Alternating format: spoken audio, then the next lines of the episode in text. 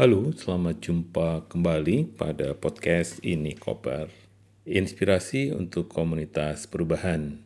Saya Dani Wahyu Menggoro dari Inspirasi Tanpa Batas atau Inspirit. Edisi kali ini saya ingin menjawab pertanyaan dari Anton. Apa yang kita bisa bangun ya sebagai artificial intelligence-nya fasilitasi. Ya, jadi kalau kita ingin bertanya apa saja tentang fasilitasi, itu bisa dijawab oleh mesin cerdas ini.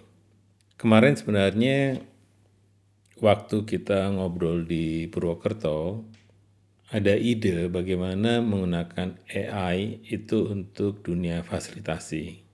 Karena melihat perkembangan kemampuan dari AI, ya, yang ada di internet saat ini, sebenarnya semua masalah itu bisa ditanyakan ke AI, mulai dari apa itu, ya, dari pertanyaan apa itu, apa ini, apa itu.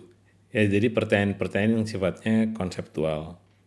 Misalnya apa itu fasilitasi, apa itu vibrant fasilitasi, apa itu dynamic fasilitasi, apa itu fearless fasilitasi, apa itu zen fasilitasi, apa itu the art of fasilitasi. Pokoknya semuanya ujungnya fasilitasi. Hanya kita ingin tahu dari mulai apa pun ya yang saat ini berkembang di dunia fasilitasi, itu bisa ditanyakan mulai dari sejarahnya misalnya sejarah antara nama animasi dengan fasilitasi.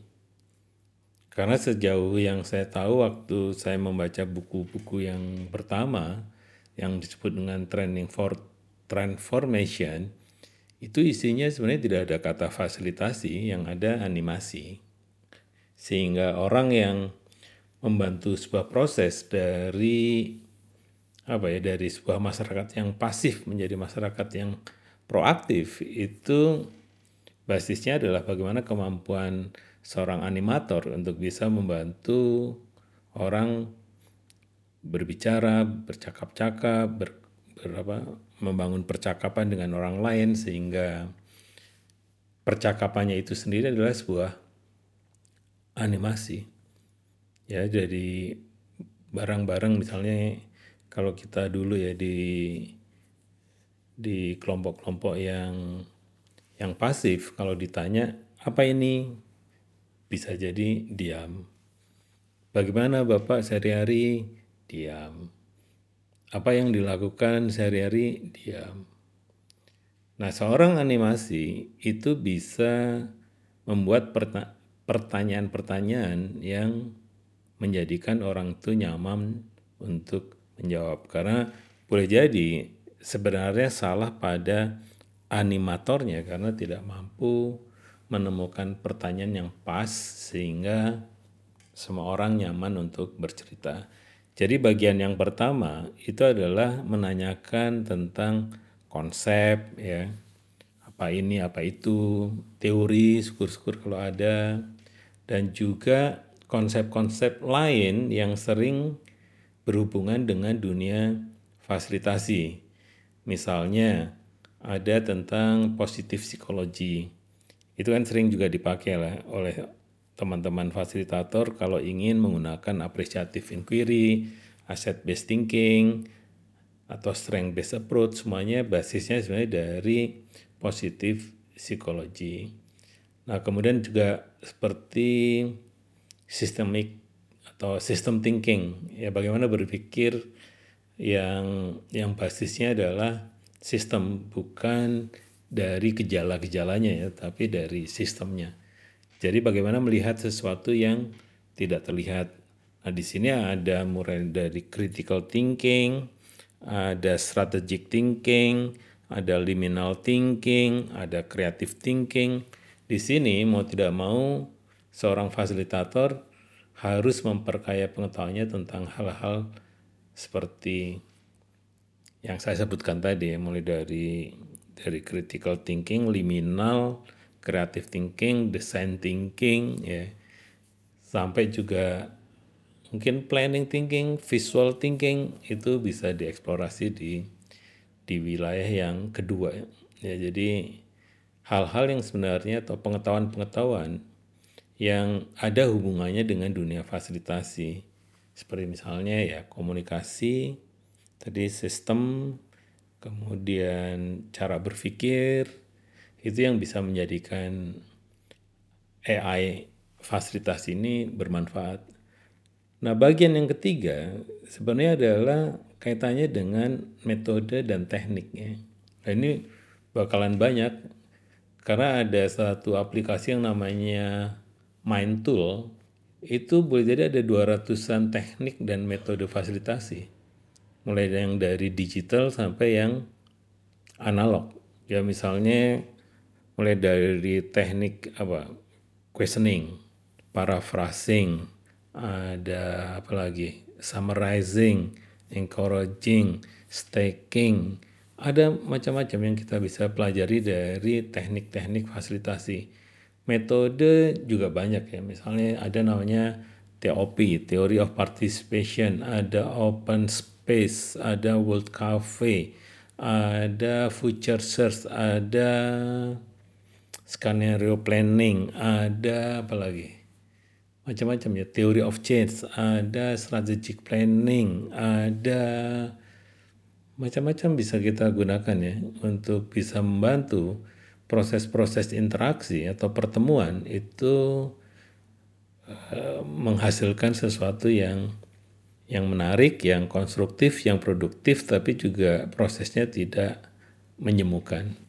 Nah ini satu bagian sendiri ya, itu isunya tentang metode dan juga teknik.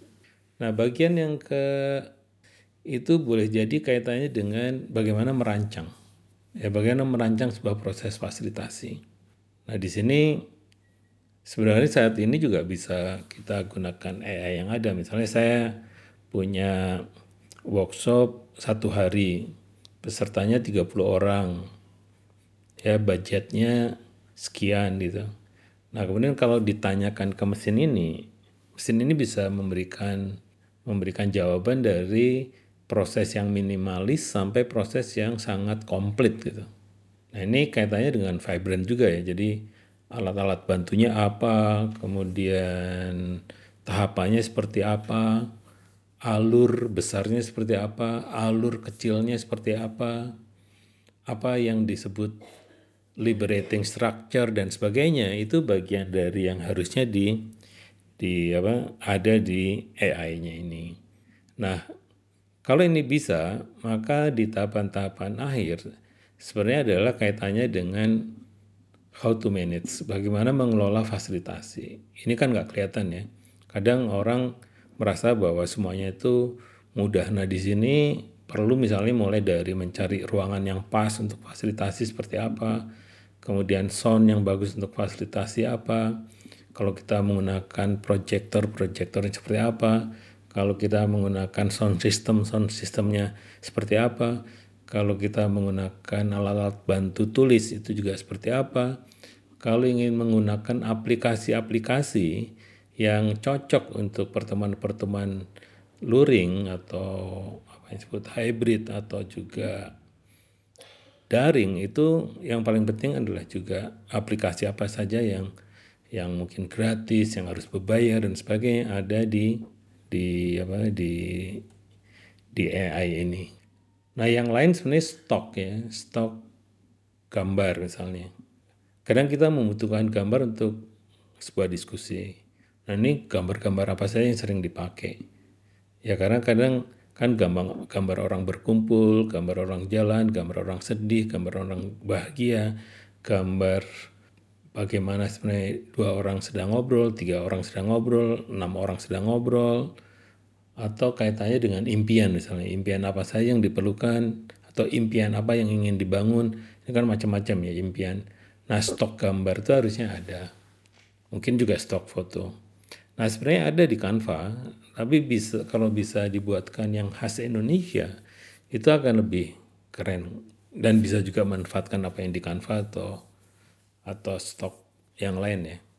Nah kemudian stok video itu juga perlu ya kadang kita butuh video untuk slide atau video untuk proses belajar. Nah, stok video ini bisa di, dibuat juga. Nah, kemudian apa lagi? Video, foto. Boleh jadi template-template ya.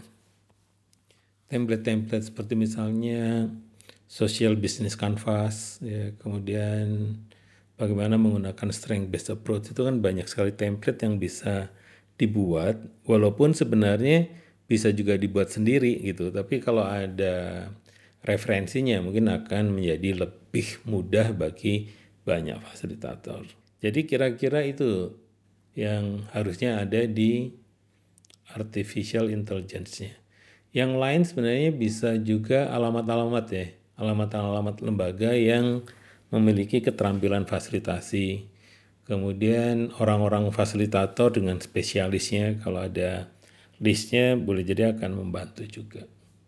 Itu saja ide-ide untuk bagaimana kita membangun AI untuk dunia fasilitasi. Kami di Nikoper percaya bahwa berbagi apa pun akan bermanfaat bagi komunitas perubahan. Sampai jumpa pada edisi berikutnya.